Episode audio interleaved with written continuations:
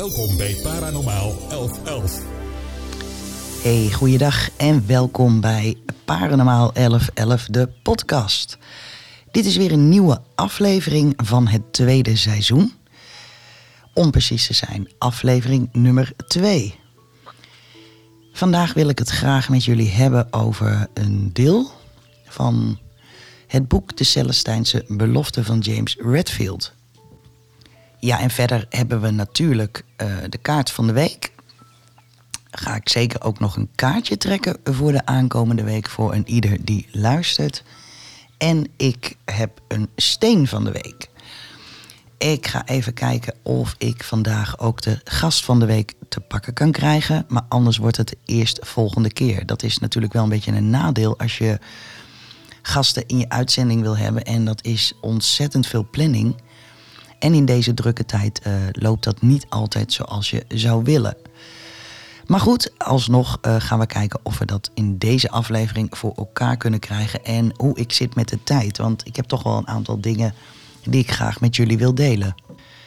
Maar ik begin met het hoofdonderwerp. En ja, dat is uh, de inzichten. En ik hou het voor nu even bij de negen inzichten van de Celestijnse belofte. Het was een, een boek wat uh, een jaar of dertig geleden, als het niet langer is, ik weet het niet exact, um, best wel een eye-opener was voor mij en voor veel mensen over de hele wereld het laat een aantal aspecten zien van het leven. Wat je echt aanzet tot nadenken. Het is, een, uh, het is geschreven in een uh, romanvorm, dus het leest makkelijk weg voor veel mensen. Hoewel ik moet zeggen, de eerste keer dat ik het boek las, was ik een jaar of 22, denk ik. En ik had best in het begin heel veel moeite om er doorheen te komen. Ik heb het uh, twee weken terug binnen twee dagen nog een keer helemaal uitgelezen. En verbazingwekkend genoeg merk je dan dat het in één keer een stuk makkelijker was om te lezen en om te begrijpen. Omdat je natuurlijk zelf ook gegroeid bent, je bent ouder. Maar wat ik vooral bedacht is dat mijn, eigenlijk mijn hele leven hierop is gebaseerd. Hoe ik werk, uh, wat ik doe, hoe ik met readings omga, hoe ik met energie omga. En ja, ik wilde dat toch echt heel graag met jullie delen, omdat het. Uh, je hoeft niet paranormaal begaafd te zijn of specifieke dingen kunnen. Je, je kan dit gewoon. Iedereen kan dit. Iedereen kan dit ook toepassen uh, in zijn of haar leven. Als ik dan ga kijken. Uh, ze bespreken in het boek een aantal inzichten. En eigenlijk, ja, je hoeft niet eens het hele boek gelezen te hebben, hoewel het een prachtig boek is. Maar ze hebben het over een manuscript uh, wat destijds gevonden is, afkomstig van de Maya's. En daarin staan een aantal inzichten. En die waren verboden uh, door de overheid en door de kerk, omdat het de wereld op zijn kop zou zetten. Nou, die inzichten, die negen inzichten, wil ik graag behandelen. Maar ik denk niet dat dat in één aflevering kan. Dus uh, waarschijnlijk gaat deze aflevering gesplitst worden. Ik begin bij het daadwerkelijke begin. En dat is het eerste inzicht. Ik leef al vrijwel mijn hele leven. Ja, ik leef mijn leven eigenlijk uh, ergens via deze inzichten. Ik weet het niet, het is in mijn leven geïntegreerd, om het zo maar te zeggen. En het eerste inzicht is toeval. Ik probeer altijd mensen mee te geven dat toeval echt niet bestaat. Er is altijd een, een onderliggende reden. En het is natuurlijk zo dat veel mensen toeval niet begrijpen uh, of niet willen begrijpen. En het afdoen als, ja nee, dit is echt toeval wat heeft het anders voor nut? Nou ja, het is een, vorm van intuïtie. En uh, die intuïtie komt dan ook binnen, um, ja, om het maar makkelijk te zeggen, via je derde oog. Hè? En de meeste mensen doen er niks mee, um, maar iedereen bezit het wel. Bijvoorbeeld als we um, na een hele lange tijd weer eens een bekende tegenkomen waar we toevallig net aan hebben gedacht, dan is het snel van, nou dat is ook toevallig, ik moest net aan jou denken. Maar ja, is dat dan wel zo toevallig? Het is uh, belangrijk bij dit soort toeval, dus dit soort ontmoetingen, om te kijken of er niet daadwerkelijk een diepere betekenis achter zit. Dat is namelijk uh, vaak wel het geval. Soms kun je er niet direct opkomen van wat zou dit nou kunnen betekenen. Ik heb deze persoon 25 jaar niet gezien. Eigenlijk mocht ik hem of haar helemaal niet zo. Dus dat is eigenlijk een gedachte vanuit het verleden. Dus niet iets wat, wat nu daadwerkelijk speelt. Want je hebt 25 jaar niet aan die persoon gedacht. Je hebt er toevallig die dag aan gedacht. En dan kom je deze persoon tegen. Nou, dat is uh, geen toeval. Het is heel belangrijk, die intuïtie die bij jou binnenkomt, om dat echt te bekijken en niet gaan rationaliseren. Ga eens diep van binnen kijken. Uh, wat heeft deze persoon vroeger mij aangedaan of juist niet? Wat voor gevoel roept deze persoon op? En hoogstwaarschijnlijk zul je merken dat het van toepassing is op je leven nu. Er zijn natuurlijk nog tal van andere toevalligheden. Ik bedoel, dat, dat uh, dagelijks maak je het mee.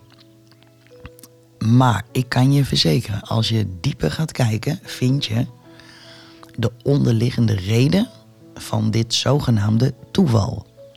En je kent het allemaal wel. Ik, ik geef het wel eens vaker aan, ook bij reading. Je, stel je loopt uh, een kamer binnen en je voelt dat er een, uh, een spanning hangt en het is niet erg aangenaam.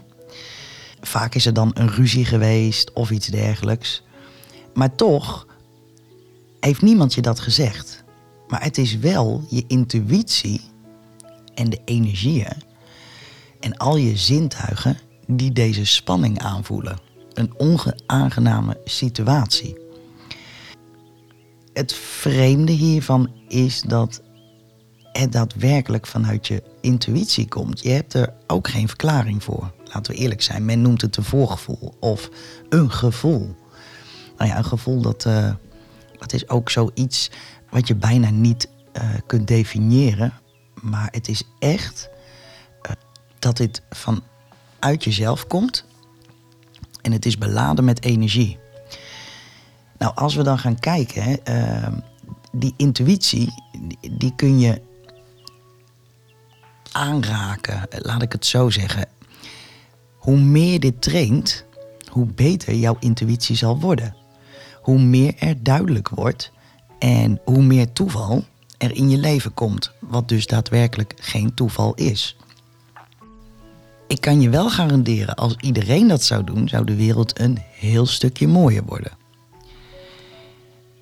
Ik geef nog even een voorbeeld.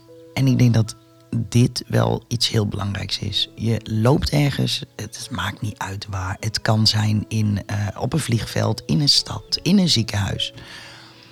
En je ziet een persoon en ergens voel je echt diep van binnen een soort herkenning met die persoon. Maar je kent die persoon niet. Je gaat wel bij jezelf na van, goh, ken ik die echt niet? Of is het misschien iemand van vroeger? Of op wie lijkt deze persoon? Tegelijkertijd kijkt die persoon jou ook aan. En die energie maakt dat je een bepaalde herkenning bij elkaar hebt.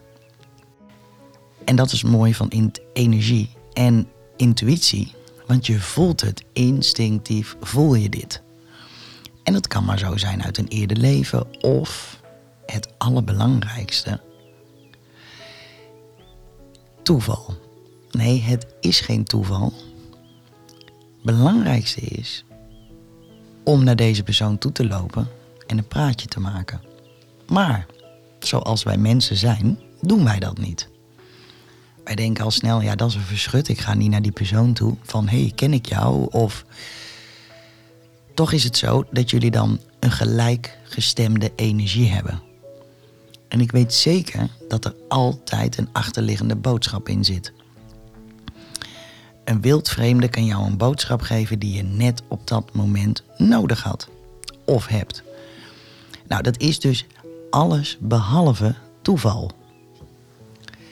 Hoe kun je dit rare toeval nou nog beter uh, in kaart brengen?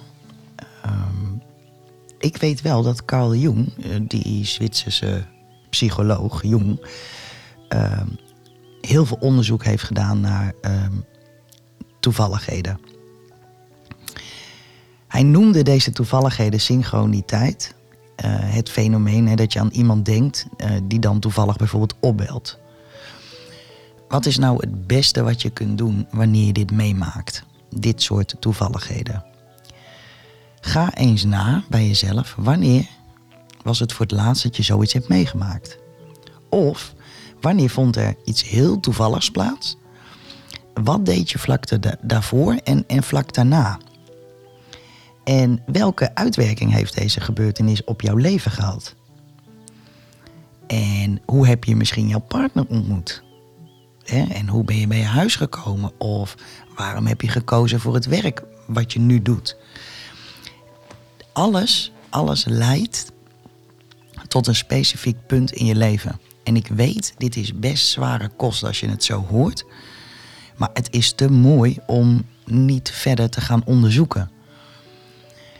Ik spreek vanuit mezelf als ik zeg dat uh, elke toevalligheid, zoals we hem dan nu noemen, mij iets heeft gebracht in dit leven. Het is natuurlijk ook niet voor niks dat ik 11-11 ben gestart. Um, was dat toeval? Nee, dat was zeker geen toeval. Ik zag constant 1111 op een telefoon of op een andere klok. En dat heeft zeer zeker mijn uh, leven veranderd. Ik ging erop letten. En ja, weet je, ze zeggen altijd: één keer is een incident, twee keer is toeval en drie keer is een patroon.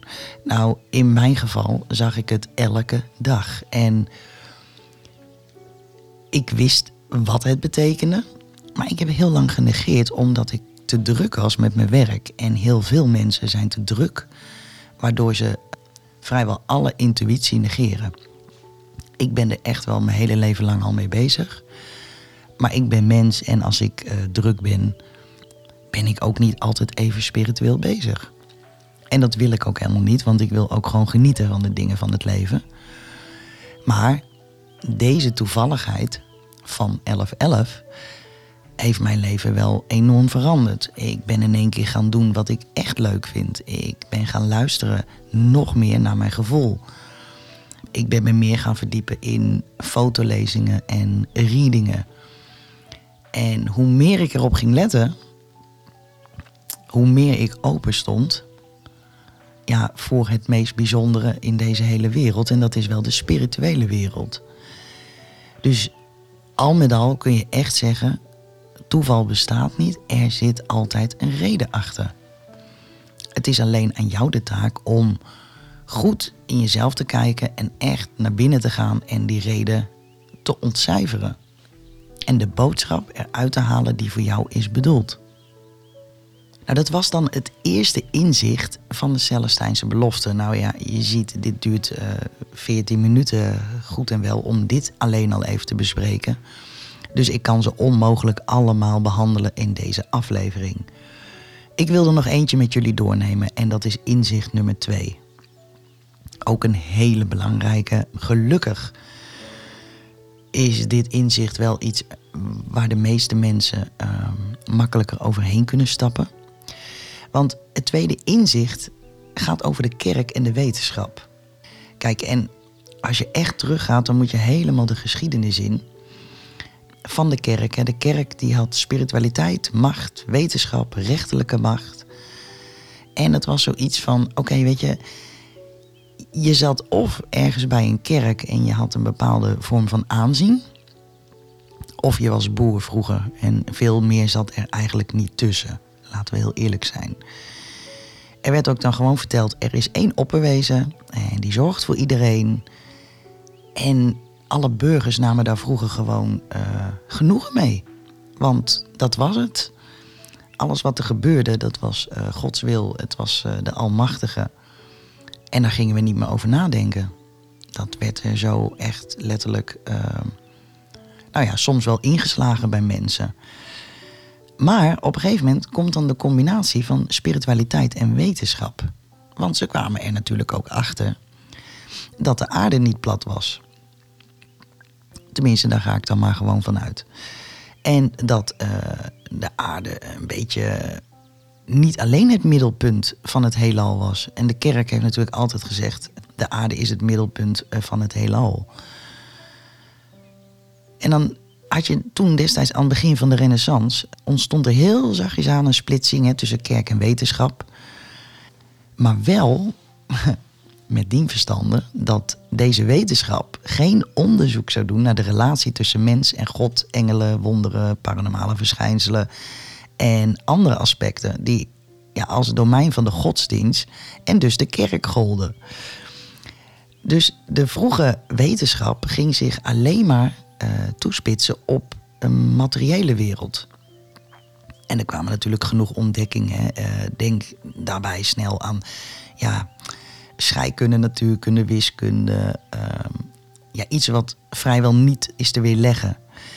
Nou ja, nieuwe technologieën werden natuurlijk aangeboord en gevonden. Energiebronnen werden ontdekt. Weet je, er was van alles gaande. Maar er bleef een bepaalde uh, wetenschappelijke onzekerheid bij heel veel mensen. En dat is natuurlijk het spirituele gebied. Kijk, het weten uh, van nu, en is nog steeds eigenlijk zo, is belangrijker dan het voelen. Hè? En dat is dus ook in deze maatschappij. Dat is iets waar ik zelf ook gewoon heel erg tegenaan loop.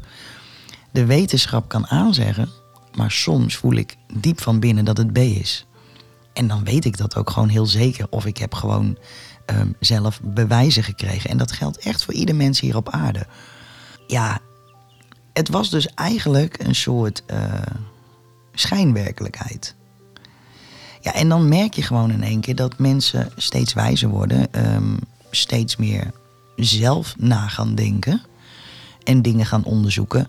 Ja, en dat heeft een behoorlijke impact gehad. En dat, is, ja, dat brengt ons eigenlijk naar de tijd waar we nu zitten. Hè? Ik bedoel, uh, 2023 en men is vrij om te kiezen welk geloof men aanhangt of juist helemaal niet. Maar het is wel iets wat nog steeds onderdrukt wordt. Want laten we heel eerlijk zijn, als ik een reading doe en ik krijg altijd te horen hoe kun je het weten? Ja, dat is natuurlijk voor mij fijn om te horen, maar ja, ik ben maar een doorgeefluik. Ik doe dat niet zelf, ik doe dat met behulp van mijn gidsen. Ik heb alleen de juiste bron weten ja, aan te raken, als ik het zo mag noemen.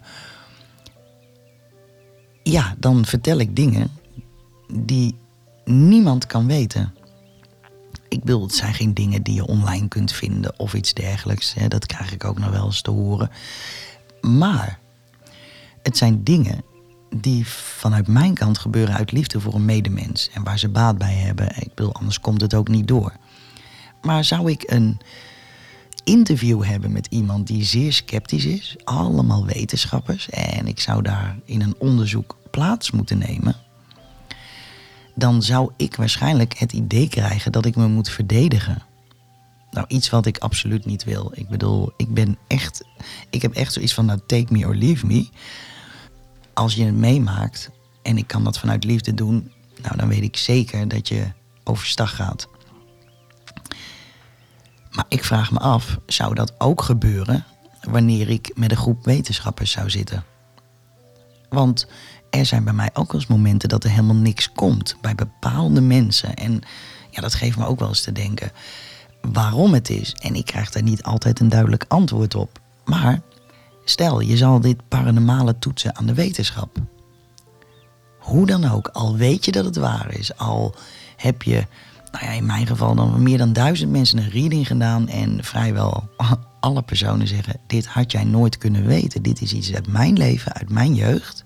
Met naam en toenaam, wat niet bekend is bij anderen. Dan nog zou je door de wetenschap afgeschilderd worden als een, een bedrieger. Laten we heel eerlijk zijn. En dat komt natuurlijk omdat er maar weinig mensen zijn die daadwerkelijk hun intuïtie en hun bron kunnen aanboren. Dus ja, als je dan ook op internet kijkt of op televisie, dan zie je zoveel oplichting hiermee. Ja, dan moet je daar wel voor waken. Er zijn ook mensen die denken en dan echt zelf van overtuigd zijn dat ze alles weten en gaan dan voor veel vermogen uh, readingen doen en denken dat ze goed bezig zijn. Nou ja, ik heb wel eerder gezegd, karma is a bitch. En dat gebeurt echt heel vaak. Het is niet de bedoeling met spiritualiteit dat je de belangstelling echt op gaat zoeken. Ik wil, ik kan ook wel gaan adverteren. Nou, dan kan ik het allemaal niet meer aan. Doe ik het niet met liefde. Komt er een druk achter, kan ik je vertellen. Uh, worden mijn readingen ook helemaal niks.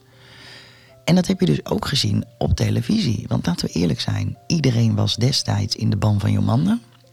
Iedereen was destijds in de ban van het zesde zintuig. Of van Char, of van Dirk Ogilvie. Ga maar eens googlen wat er van die mensen is geworden. En ik denk misschien nog wel de ergste Dirk Ogilvie die nog bezig is met zijn belastingontduiking. En die een consult uh, geeft voor 500 pond per uur ik kan je vertellen, daar zit geen geintje liefde voor een ander persoon bij. Helemaal niet. Het is niet de intentie om te gaan helpen. Wat ik eerder meemaak is, is mensen die bij Dirk Olgevier geweest zijn. Ik kende überhaupt maar twee mensen die er ook daadwerkelijk zijn uitgepikt, de rest niet. En dat is een lange weg geweest om deze mensen te genezen van het trauma wat ze daar hebben opgelopen. Dirk Ogilvie doet dit niet met zijn gevoel en niet met liefde uh, voor de medemens. Maar goed, dat neemt niet weg dat hij misschien zeker uh, bepaalde gaves heeft. Hoewel er echt daar een heel team achter zit wat de boel zwaar bezodemietert. Maar vooruit. Hij heeft ook meegedaan aan zo'n onderzoek en er kwam helemaal niets. Terwijl als je hem op televisie ziet, dan denk je nou, hij kan alles zo uit zijn mouw schudden en dat gaat allemaal uh, vlekkeloos. Hij heeft urenlang met wetenschappers gezeten en er is niets naar boven gekomen. Ja, dan kun je gaan huilen, maar ik kan je vertellen, als jij zo'n drang hebt om te bewijzen, komt er uiteindelijk ook helemaal niks. Want je werkt niet meer vanuit je liefde, vanuit je hart, vanuit je gevoel, je intuïtie. En ik denk dat dat ook de reden is waarom gids je op dat moment in de steek laten. Wil niet zeggen dat je niet gewoon uh, normaal je brood mag verdienen met wat je doet. Tuurlijk mag dat. Ik bedoel, uh, een dokter uh, studeert ook zijn hele leven. En levert daarvoor ontzettend veel vrijheid in. Ja, daar wordt hij ook naar betaald. Je hebt een grote mate ook van verantwoordelijkheid. Nou, ik vind dat niet meer dan logisch. Maar goed, we waren bij het tweede inzicht, hè, de kerk en de wetenschap. Kijk, wij zijn enorm gebonden aan fundamentele overtuigingen, verwachtingspatronen, structuren, noem het maar op. Uh, vooral rationeel uh, argumenteren, want ja, dat, dat moet. Dus uh, het weten in plaats van voelen. En dat moet met regels en orde. En juist vanuit dat besef leven blokkeert compleet de intuïtie. Waar ik het net ook al over had met Derek Ogilvie. Um, en juist het loslaten van deze blokkades, uh, dat leidt ertoe dat je dingen beter kunt gaan zien. En dat is ook wel een beetje wat er nu aan de hand is in deze wereld hoor, 2023. Mensen zien meer, mensen weten dat niet alles waarheid is. Um, de media is behoorlijk door de mand gevallen met alle leugens die ze hebben verteld. En laten we eerlijk zijn, vroeger toen die televisie er net was, ja, de media was waarheid. Laten we eerlijk zijn alles wat zij vertelde en op het nieuws, ja, dat was waarheid. Nou, we weten nu gelukkig wel beter. En dat is maar goed ook, want hoe meer je zelf na gaat denken, hoe meer je eigen intuïtie volgt, hoe meer je bij inzicht 2 echt tot de kern kan komen. En wat heel mooi is aan het tweede inzicht is dat je dan voor jezelf eens moet gaan bedenken: goh, wat zou ik nou graag veranderen? Of wat zou ik nog meer willen? Of over een jaar zou ik graag daar en daar zijn. Dat kan ook nog. Hè? Of ik zou het heerlijk vinden als ik puntje, puntje, puntje. En dan de belangrijkste vraag die je zelf kan stellen. Waarom doe ik dit dan niet? als je die vraag kunt beantwoorden, ben je weer een stapje dichter bij jezelf. En dat, dit zijn maar twee inzichten. Hè? Ik bedoel, we hebben het puur gehad over toeval en kerk en wetenschap, dus eigenlijk religie en wetenschap. Die twee inzichten zorgen er al voor dat je in een hoger bewustzijn terecht kan komen. Hiermee kun je gaan groeien. Kijk, het belangrijkste inzicht is vaak het derde inzicht, want dat heeft alles te maken met energie. Maar het derde inzicht wil ik toch echt heel graag bewaren voor een volgende aflevering. Want dat is zo belangrijk voor deze wereld en voor jou als persoon. Dat ik daar wat meer de tijd voor wil nemen. Ik heb nu inmiddels bijna een half uur zitten praten over inzicht 1 en 2. Ja, en ik heb er 9. Dus wordt absoluut vervolgd uh, in de volgende aflevering. Want ik heb nog meer. Ik bedoel, ik wil graag nog een kaartje voor jullie trekken voor deze week. Maar ik wil ook nog de kaart van de week behandelen. En dat is natuurlijk tarotkaart. En de tarotkaart deze week is uh, ja, ook wel eentje om eventjes bij stil te staan. Want het is namelijk kaart nummer 13. Dan is het uiteraard de 14e kaart, omdat we de dwaas als 0 hebben. Als beginpunt. En kaart nummer 13, ja, niet voor niks natuurlijk, hè, in de numerologie, maar dat is de kaart van de dood. Dus laten we gauw verder gaan.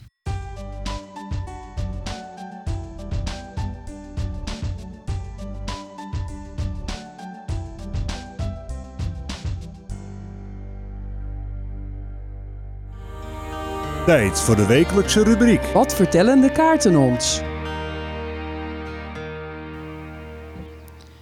Ja, de kaart, de dood. De tarotkaart in het spel wat alom wordt gevreesd. En wat totaal niet hoeft.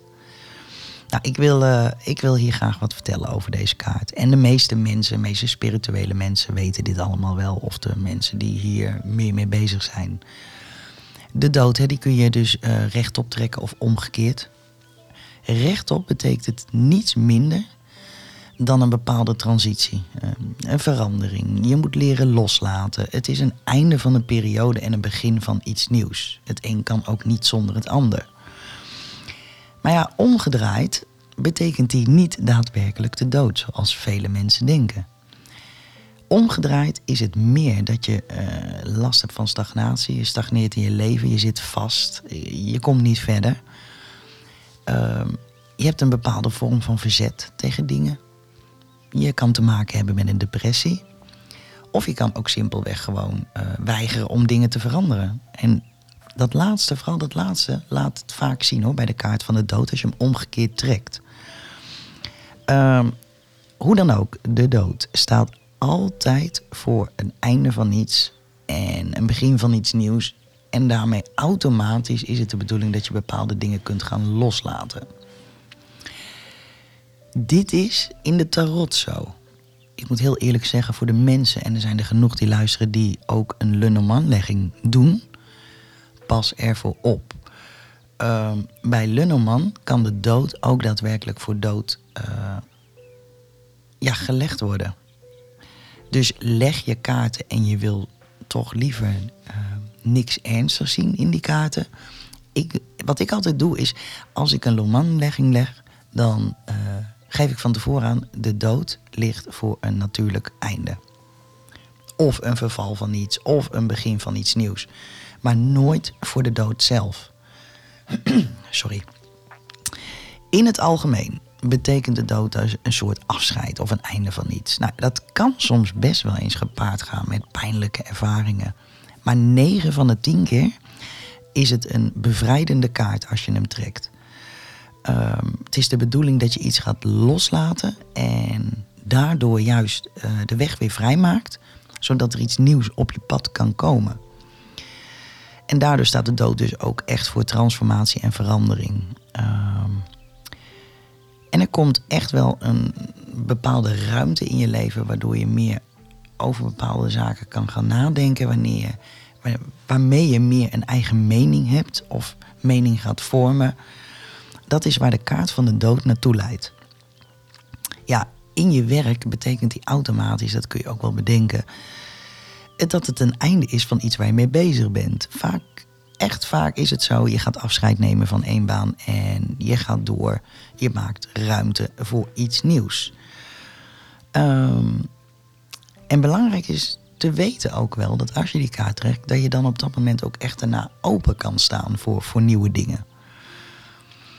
Ehm, ga het niet forceren. Ook niet als je deze kaart uh, in een spel krijgt of iemand trekt deze kaart voor je. Uh, dat is niet goed met werk. Met werk is het uh, niet altijd goed als je de kaart van de dood trekt om te snel je aandacht te richten op nieuwe dingen. Het is eerder belangrijk om oude dingen heel goed af te sluiten dan al verder te zijn in je hoofd en bezig zijn met nieuwe dingen. Nou ja, in de relatie staat de dood voor een. Ja, dat kan ook echt zijn voor een bepaalde periode in je relatie. Stel je voor, je zit nog in die fase van hevige verliefdheid. Die fase gaat dan uh, op zijn einde komen en die maakt dan uh, plaats voor iets nieuws. En normaliter in een relatie is dat ook wel zo van het houden van.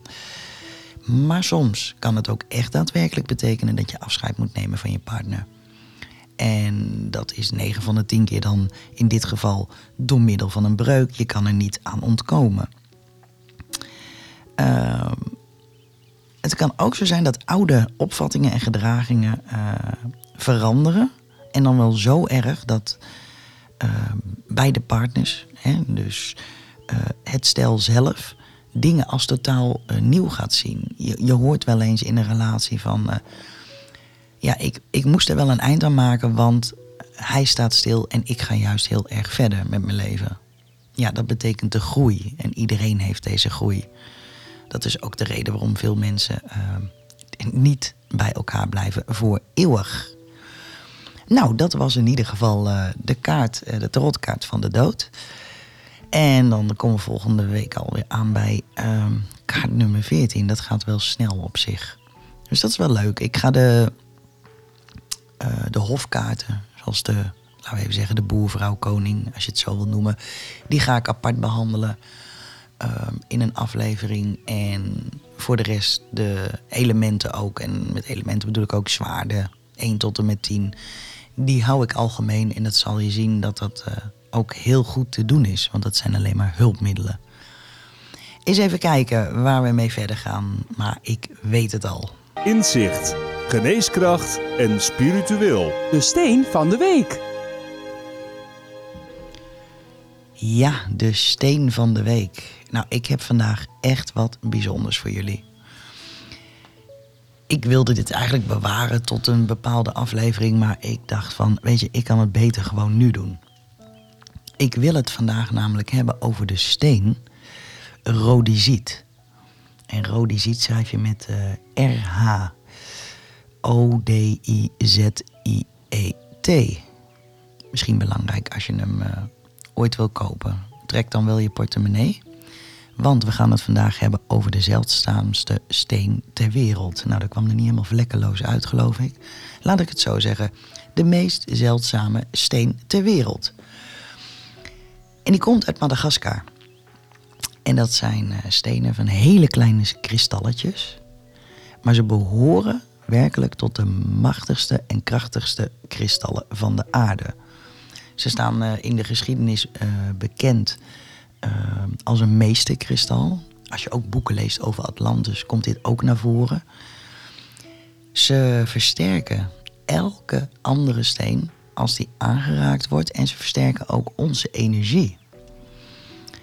Um, het meest vreemde is, en dit is dus wetenschappelijk, deze steen, als ze in de buurt zijn met andere stenen en ze versterken heel erg, dan blijven ze een beetje plakken aan die stenen. Dat is echt zo mooi om te zien. Terwijl de hele steen zelf is totaal niet magnetisch. Maar ja, goed. Het laat zien uh, dat uh, zo'n meesterkristal een enorme versterker is. En dat hij zich energetisch verbindt met andere stenen. Maar dus ook met mensen. Um, vooral op spiritueel gebied is deze steen heel erg krachtig. Ze zijn met het element wind verbonden. Hoe dat zit, moet ik je echt eerlijk vertellen, dat weet ik niet. Um, maar en die stenen, die hoeven nooit gereinigd te worden. Dat is heel raar. De kristalletjes die werken in cirkels. En wanneer ze niet bezig zijn met iemand te helen, dan helen ze zichzelf. Dus het is een cirkel, een- ja, een cirkel van heling en energie.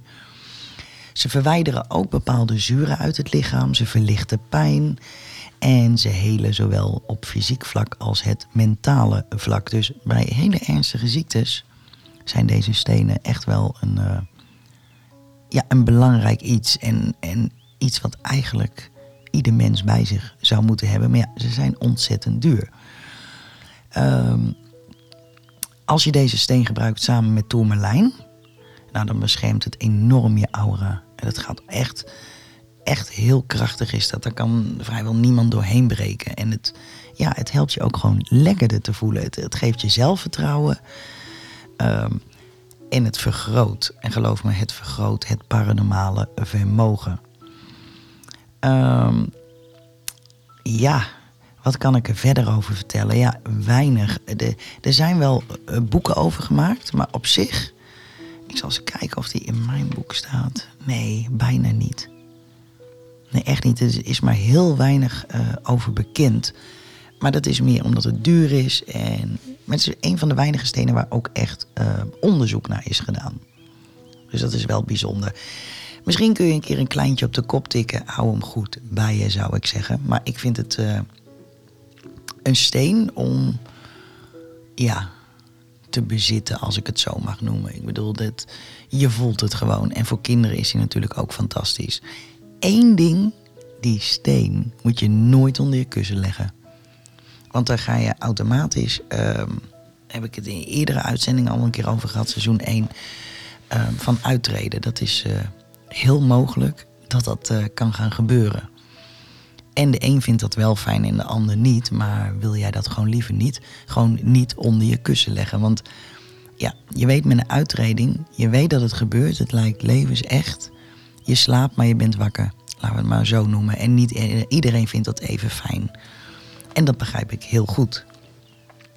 Nou, eens even kijken. Dat was eh, de steen van de week. Maar ik heb beloofd om nog een kaart voor jullie te trekken. Dus bij deze ga ik dat even doen.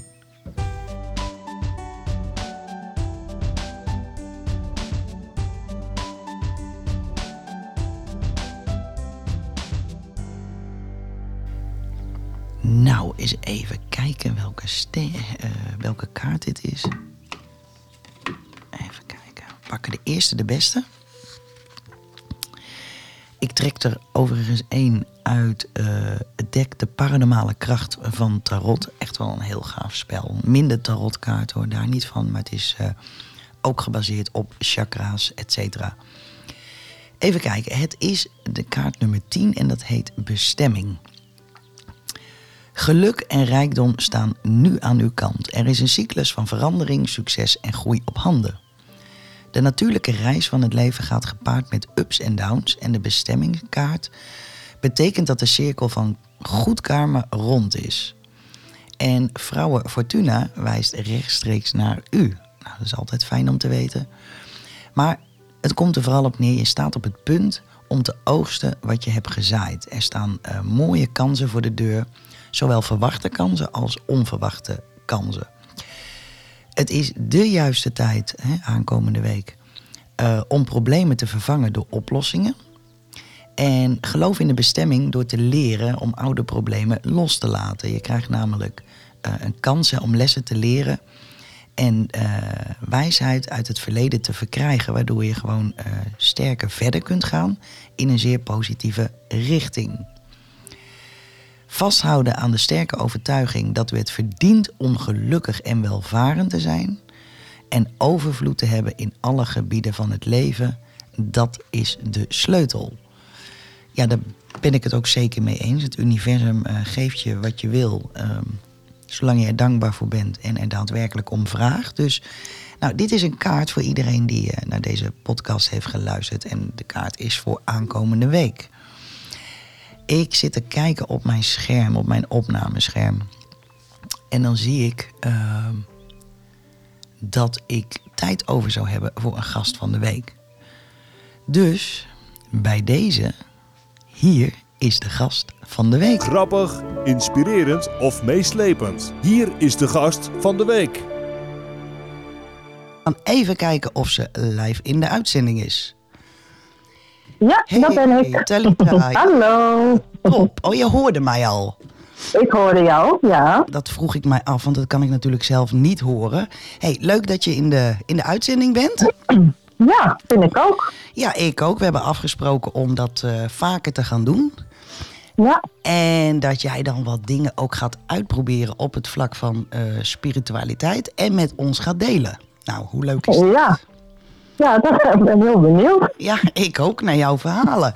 Maar ik denk dat mensen ook wel een beetje willen weten. Je hebt wel eens kaart gelegd eh, wie jij bent, hoe oud je bent. En ja, iets over jezelf kan vertellen. Ik weet wel het een en ander van je. Ik weet dat je drie superleuke dochters hebt, oude zielen. Maar kun je daar zelf wat aan toevoegen?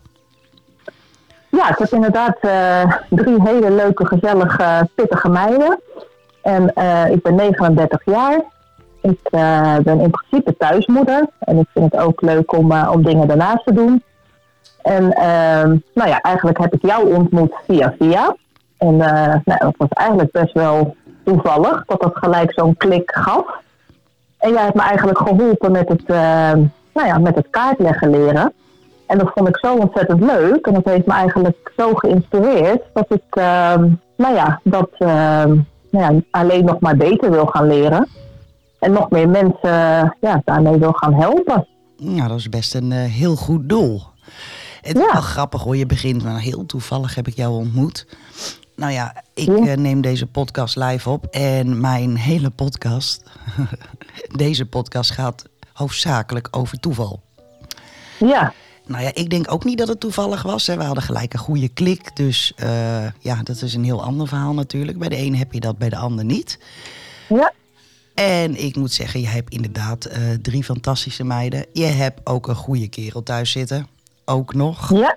Zeker, zeker. Ja, zeker. En je bent thuismoeder en je bent daarna bezig met kaartleggen. Nou, dat heb ik inderdaad ook gemerkt. En dat dat super supergoed gaat. Ja. En ik vroeg me eigenlijk af van... ehm, wat is eigenlijk, eigenlijk de reden waarom jij destijds eh, je daar meer in wilde verdiepen? Ik weet hè, dat je in meerdere dingen hebt verdiept. Je, hebt ook iets uitgevoerd. Dat gaan we zo meteen uitvoerig bespreken. Maar de conclusie, het moment dat je dacht van... nou ja, nou wil ik meer met spiritualiteit doen of meer met kaartleggen. We- Weet je nog wanneer dat was?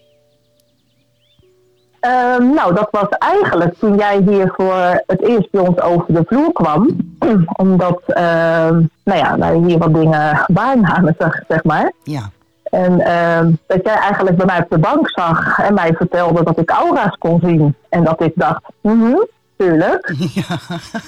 En dat jij op een briefje schreef van nou, ehm, ga eens eh, naar Alex, je man, kijken en vertel me de kleuren. En dat ik jou echt zag aan, zat aan te kijken van nou El, ik weet niet, maar ik weet niet waar je het over hebt.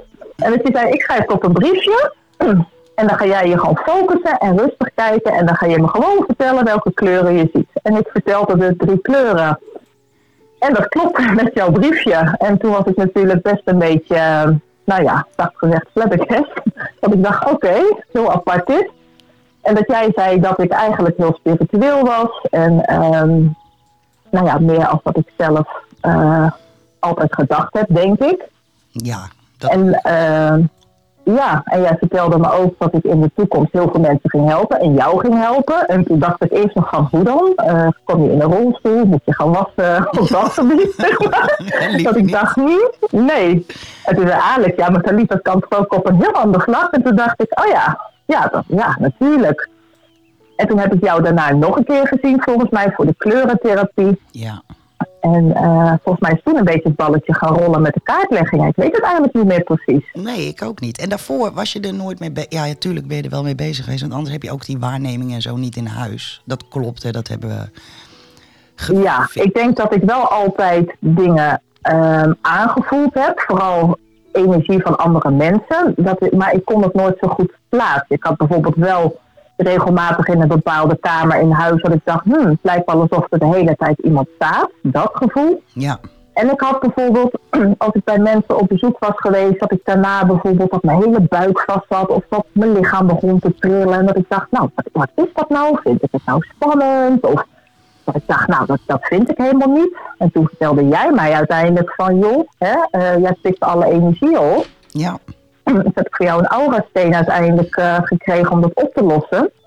En sindsdien is dat eigenlijk eh, ja, allemaal een beetje langzaam ja, op gaan starten, zeg maar. ja, precies ja. Maar jij bent natuurlijk wel heel snel gegaan. En dat, maar dat ligt ook natuurlijk aan iemand zelf. hè. Als iemand er open voor staat en, Ja. en moeite pardon, voor wil doen, dan, dan kan het heel snel gaan. En mensen denken altijd, ja, maar dat kan ik niet. Of... Maar ze proberen het ook nooit. Nee, Je nee ik vond het wel gelijk wel interessant, ja. Ja, dat is ja, ook wel bijzonder natuurlijk.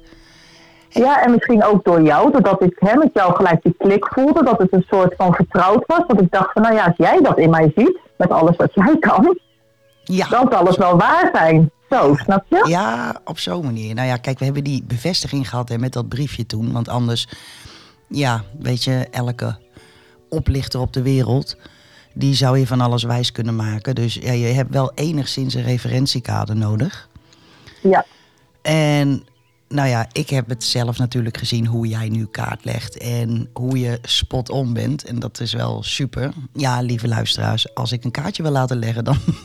ik doe het nooit voor mezelf, maar dan laat ik het Talita doen. Dus ja. ja, en dat is wel beter. hey, en ik wil toch eventjes eh, ergens dieper op ingaan. Want we hadden het ook over van. Dan kun je het huis gaan zuiveren, hè? En nou Ja. zeg ik dat ook, eh, moet ik echt zeggen hoor, normaal gesproken. Het ligt aan de persoon die tegen me over me zit. Dat ik zeg van nou, dat moet je gewoon lekker zelf doen. Dat kun je ook zelf. Want het kan natuurlijk ook een hele andere kant op gaan. Hè? Iemand die niet. eh, ja, iemand die zeg maar geen oude ziel is. En die dat gaat doen. Ja, dat, dat, dat werkt echt voor geen meter. En het wil ook niet zo zeggen dat het huis zuiveren van eh, kwade entiteiten is of iets dergelijks. Maar het is meer energieën die moeten worden opgeruimd. Nou ben jij daarmee aan de slag gegaan. ja. Ja, nou, en, en we gaan zeker, echt, we gaan dit soort dingen natuurlijk vaker doen. Maar ik weet zeker dat alle luisteraars, en geloof me te liet, het zijn er inmiddels sowieso 1500 per week. Die zijn Zo. vast heel benieuwd hoe jij dat nou hebt gedaan en eh, hoe je het hebt ervaren. Dus ik ben heel nieuwsgierig. Brandlos, hoe heb je het aangepakt? Nou, dat, eh, ik hoop eh, dat iedereen er wat aan heeft. Was niet gelijk een succes, zal ik er gelijk bij zeggen. Ik heb me eerst een beetje ingelezen.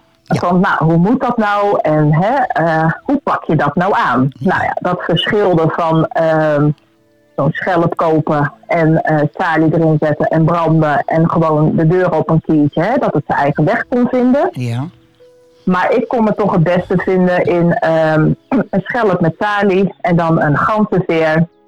En dan gewoon persoonlijk elke ruimte af. En daar eigenlijk gewoon ehm, nou ja, iets eh, persoonlijks zeggen voor de persoon die daar slaapt. Dus voor mijn kinderen, alle drie een eigen mantraatje. Ehm, mijn kamer, dat ik de negatieve energie weg wil.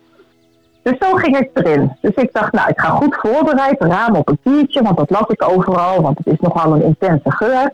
je hebt het Dus aangestoken. ik dat allemaal. ook. Ja, ik heb het aangestoken. Ik heb salie in een eh, schelpje gedaan. Nou ja, uiteraard eh, veel te veel natuurlijk. Dus eerst kwamen er al vuurballetjes onderuit vallen. Dat ik dacht, oh fuck, God. mijn vloer. nou, dat, dat viel uiteindelijk mee. Na een beetje geklungeld. Nou, toen ben ik boven in de zolder ben ik begonnen.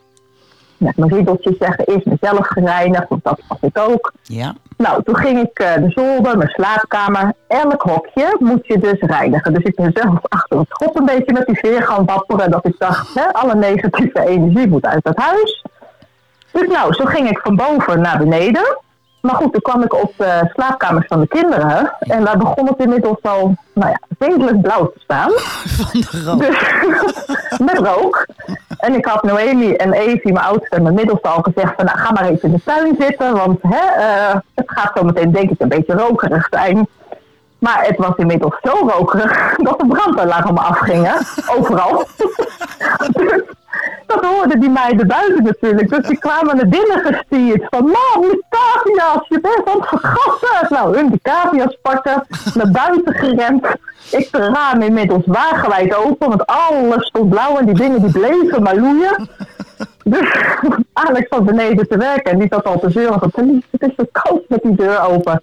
Zei, ja, lief, ik ben zo klaar. Nou ja, toen gingen natuurlijk ook nog die brandalarmen af. En het hele huis stond vol met rook. Nou, dat heeft, nou, ik zal niet overdrijven, maar ik denk dat drie uur in de lucht zeker blijven hangen. Ja, dat zal Dus best wel. dat, ja, dus nou ja, dat was niet een, eh, ja, een eerste succesverhaal, zeg maar. Ik denk dat alle buren gezien hebben van buiten dat ik mijn huis aan het reinigen was. Dus ik denk dat we dat, we verschillende keren dachten, nou, hè, wat is er brand of wat is er aan de hand? Want het stond zo blauw. Dus ik heb uiteindelijk die schelp echt afgespoeld met water om het gewoon eh, nou ja, uit te krijgen. Dus ja, de eerste keer was gewoon echt geen succes. Het, het meurde in huis en, Ja, en de cavia's die... eh, ja, het was echt, het stond helemaal blauw. En die dingen die bleven maar loeien. Want die rook die waait niet zo snel weg. dus het was één, nou, het was één grote, ja, nou, het was, het was in ieder geval geen succes. Ja, en was je man er blij mee?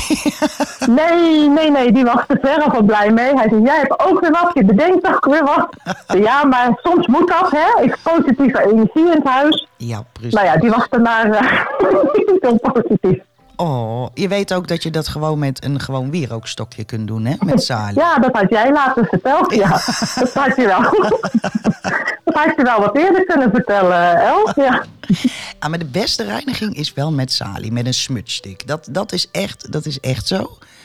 Ja. Reinigt het alles. Alleen ja, het is natuurlijk niet de bedoeling dat, dat het brandalarm afgaat. Ik zie Nee, het gewoon en- ook helemaal voor me. hè? Ja, en keer vier, hè. Want de kinderen hebben er alle drie een op de kamer. Op de hal hing er één. Dus het was op een gegeven moment gewoon echt een, een hele... Ja, herrie. hele... Oh, God. Nou, ja. Nou, Dus nee, dat was in het begin geen succes. Oké, nee, dat kan me voor. Heeft het geholpen? Nou, dat gevoel had ik wel. Toen al die stinklucht weg was, had ik wel het gevoel dat het even lekker allemaal lekker relaxed was. Ja. Dus ik doe het nu denk ik elk half jaar gewoon. Ik heb het daarna heb ik het eh, ook nog een keertje gedaan. En toen wat beter voorbereid, wat minder salie. Ja, wat precies. beter de ramen open. En ehm, het Ja. voelt wel goed, laat ik dat zeggen. Het voelt Ja. wel gewoon goed om even, hè, gewoon even weer lekker je huis, lekker, ja, Ja, lekker Net als fris, dat je een- schoon van ja, energie. net als een lente schoonmaak, om dan, dan eventjes ook, eh, ja, dat voelt gewoon wel lekker. Ja, dat kan ik me voorstellen. Nou, luisteraars, als jullie dit nu horen, eh, neem dan de tip mee. Gooi niet te veel salie eh, ergens in. Of eh, pak geen hele grote stick. Zo'n, echt zo'n smutstick is dat, hè? Zo'n smok, ja, dat is ook, ja. Ja, die heb je ook al en die roken ook ontzettend. En sommige mensen doen het ook met lavendel, hè? gedroogde lavendel. Maar dat is puur voor energie, vrolijke energie en rustgevend. Ja. Maar ja, dat Ja, geeft net zoveel rook, moet ik zeggen. Dus eh, ja, je hebt nog wel Ja. een alternatief. Laat ik me dat ook eventjes vertellen. Eh, dat gebruik ik en dat is Palo Santo hout. Dat is heilig hout. En dat kun je online kopen. Dat is wel vrij prijzig. Dus eh, ja, ik mag eigenlijk geen reclame maken. Maar je hebt zo'n hele grote zaak op internet. En het begint met een grote A. En daar heb je hem wel iets eh, voordeliger dan hier in Nederland. Want hier in Nederland betaal je rustig voor één klein stokje 5 euro. En dat is eh, veel geld. Dat doet exact hetzelfde. Dat kun je een beetje laten smeulen. Dat gaat ook roken, maar niet zo erg. Nou, En dat is dat dat is- een aanrader. Ja, precies. Precies. hey, dan moeten we natuurlijk wel iets verzinnen voor elke week. Want dat willen luisteraars vast wel horen. Wat jij gaat uitproberen. En nou dacht ik, jij hebt ook nog nooit... eh, Oh, dat heb je wel gedaan. Jawel, want dat kan ik me ook nog herinneren dat je mij toen belde. Toen had je voor het eerst zelf kaart gelegd. Het Ja. was ook Ja. zo'n succes. Het begint niet allemaal met succesverhalen bij mij, nee. Nee, dat geeft niet. Maar ik waarschuw ook altijd eh, eh, elke luisteraar, of waar dan ook, dan zeg ik altijd: Nou, als je net begint met kaart leggen, doe het vooral niet voor jezelf, want je wordt echt helemaal paranoia ervan. Ja, Ja, dat had jij geloof ik ook. Ik geloof dat je van alle kaarten, van de 13, had je geloof ik 12 zwaarden of zo. Nee, nee, ik had juist de engelengetallen. Dus achteraf was het eigenlijk een hele bijzondere legging. Ja, dat was het. Maar je had verkeerd Dus- geïnterpreteerd. Juist. Ik had natuurlijk, ehm, nou ja, ik was halverwege de cursus, zeg maar, toen ik dacht van nou, ik kan wel eens even voor mezelf gaan leggen. Maar van alle kaarten had ik misschien een derde behandeld gehad. Dus ik kreeg in één keer dat idee dat ik dacht, nou ja, ik moet het toch leren. Dus ik ga huppakee voor mezelf wel even een, eh, een leggingje doen. Nou ja, toen trok ik dat allemaal op zijn kop. En toen wist ik dus toch natuurlijk niet gelijk dat op zijn kop niet, hè, per definitie niet goed is. Nee. Dus eh, ja, toen eh, belde ik jou in paniek op. Help, er is wat gebeurd. ja, Geloof me dat je niet de enige bent. Iedereen die begint met kaartleggen, maakt dezelfde fout. En Ja. echt hoor, je neemt het mee. Want je weet op een gegeven moment, en zeker op het moment hè, dat je beter wordt en je weet gewoon, oh, hé, hey, alles klopt wat ik ook zeg. En als je het dan voor jezelf gaat doen, ja, dan is het Ja. helemaal niet slim meer. En daarom doe ik het ook niet voor mezelf en laat ik het lekker jou doen als ik een, eh, een kaartje nodig heb. Dat lijkt me wel het slimst. Nou, Ja. ik denk dat wij moeten gaan brainstormen wat jouw volgende uitdaging gaat worden. En dan eh, dat je ons weer meeneemt in jouw succesverhaal. Lijkt me Ja. eigenlijk super leuk. Dus ik denk dat ik daar deze week even over na ga denken. ja, dat is heel goed. Of Ik wil nog wel even met dat eh, kaartleggen nog even aan toevoegen. Oh, Dat het natuurlijk ook wel ehm, door het internet een beetje, nou gepromoot wil ik niet zeggen. Maar wij hebben vrienden in Duitsland en die zien we ongeveer één keer per jaar. En die zei toevallig een maand geleden ook van, oh ik heb even via het internet even kaartleggen geleerd. oeh.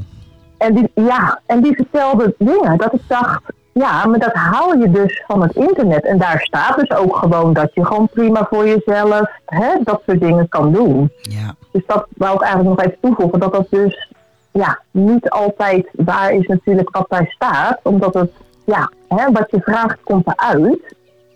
Dus dat is natuurlijk wel heel belangrijk eh, om te weten. Dat, ja, hè, als je iets vraagt, dan krijg je wel antwoord. En dat is misschien niet altijd het antwoord wat je eigenlijk hoopt te krijgen. nee, want het is een computer. Het is een algoritme.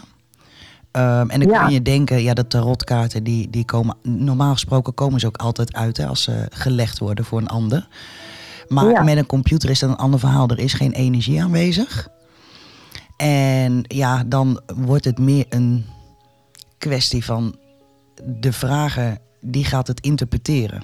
Precies naar zijn of haar smaak.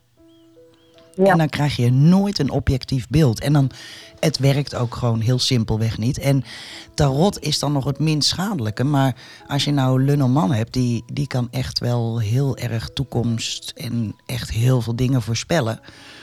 Ja, dat kan meerdere kanten op gaan. Dus dat is helemaal niet aan te raden om dat online te gaan doen. Dan eh, heb ik nog liever dat mensen gewoon zelf een cursus gaan volgen ergens.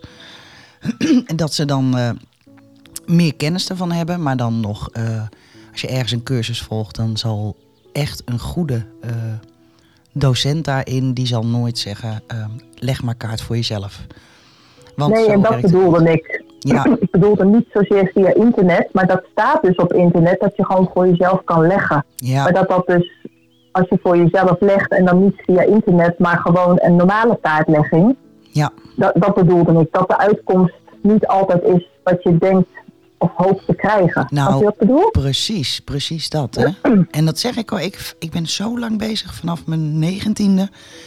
Maar nee, nee, nog steeds leg ik ze niet voor mezelf. En het liefst ook niet voor dierbaren van mij, want ik wil gewoon niet te veel zien. Nou is dat Nee. in mijn geval wel iets anders dat ik er vaak beelden bij zie. En dat, ja. Ja. dat heeft dan niet iedereen, maar toch, het is... eh, nee, als het, als het ook je kind bijvoorbeeld aangaat, dat, dat, dat moet je niet willen. Want je gaat dingen ehm, ja, echt anders interpreteren. Dus nee, gaan we, gaan we maar niet doen. Nee, precies. Nee, nou, Talita, ik wil jou bedanken dat je in de uitzending bent geweest. En, Graag eh, gedaan. ik verheug me al op een volgende keer met wat je hebt meegemaakt. Dus Ja, we dat gaan, snap ik, eh, ja. We gaan, we gaan echt wat bedenken. Ehm, en dat ga je uitproberen. En dan, eh, dan gaan we dat weer bespreken in een eh, andere podcast. Dat is goed. Ik offer mezelf graag op. Nou, dat vind ik ontzettend leuk. En ik denk eigenlijk de luisteraars ook. Ik bedoel, eh, en ze kunnen er wat van leren. Want jij zal niet de enige geweest zijn die zoveel erin heeft gedaan. Nou ja, dat is het ook. Al het begin is moeilijk, zeggen ze altijd. Maar dat is natuurlijk ook echt zo. Als je iets wil gaan doen waarvan je eigenlijk eh, niet weet dat je het überhaupt in je hebt, maar het is allemaal nieuw en alles is dat je denkt, oh mijn god, hoe moet ik dit gaan aanpakken? Ja, dan kan het natuurlijk niet gelijk uh, hè, allemaal perfect zijn. Precies. Dus ja, ook dat hoort erbij en ook dat is weer een leerproces. Ja, zeg dat maar. Nou ja, weet je, wij gaan van de week eens eventjes bellen met elkaar en dan gaan we erover hebben wat het volgende item gaat worden. Is dat een plan? Dat is een plan. Nou, Talita, dan bedank ik jou uh, voor je komst hier in deze uitzending. En uh, dan zeg ik graag tot de volgende keer. Nou, tot de volgende keer. Oké, okay. doei doei. Doei. Ja, en dat was de gast van de week. Ontzettend leuk. Ik verheug me nu al op het nieuwe project wat zij gaat ondernemen. Nou, dan zijn we bijna aangekomen bij, de, ja, bij het einde van deze aflevering. Wel wil ik jullie er nog op attenderen dat ik inmiddels online ben met mijn uh, radiostation. Die kun je vinden op uh, parenemaal 1111.nl. Je kan dan de radio aanklikken, je kan een kaart aanvragen, je kan verzoekjes aanvragen. Let wel, hoor je geen muziek, dan ben ik op dat moment niet live. En dat is, uh, dat doe ik heel bewust. Ik kan de hele dag door muziek laten draaien, maar dan weet niemand wanneer ik live ben. En het is juist leuk om zoveel mogelijk mensen hiermee te kunnen helpen. Het is natuurlijk geheel gratis en ja, kijk eventjes. Neem een kijkje en uh, ga gewoon een keer luisteren wanneer ik live ben. Wil jij nou op de hoogte worden gehouden van wanneer ik live ga... en live foto's ga lezen, kaarten ga trekken, et cetera... dan uh, kun je aanmelden voor de nieuwsbrief. En dat staat ook op mijn website paranormaal1111.nl. Nou, ik hoop dat jullie hebben genoten van deze uitzending. Ik in ieder geval wel. En dan zou ik zeggen tot snel. Doei doei.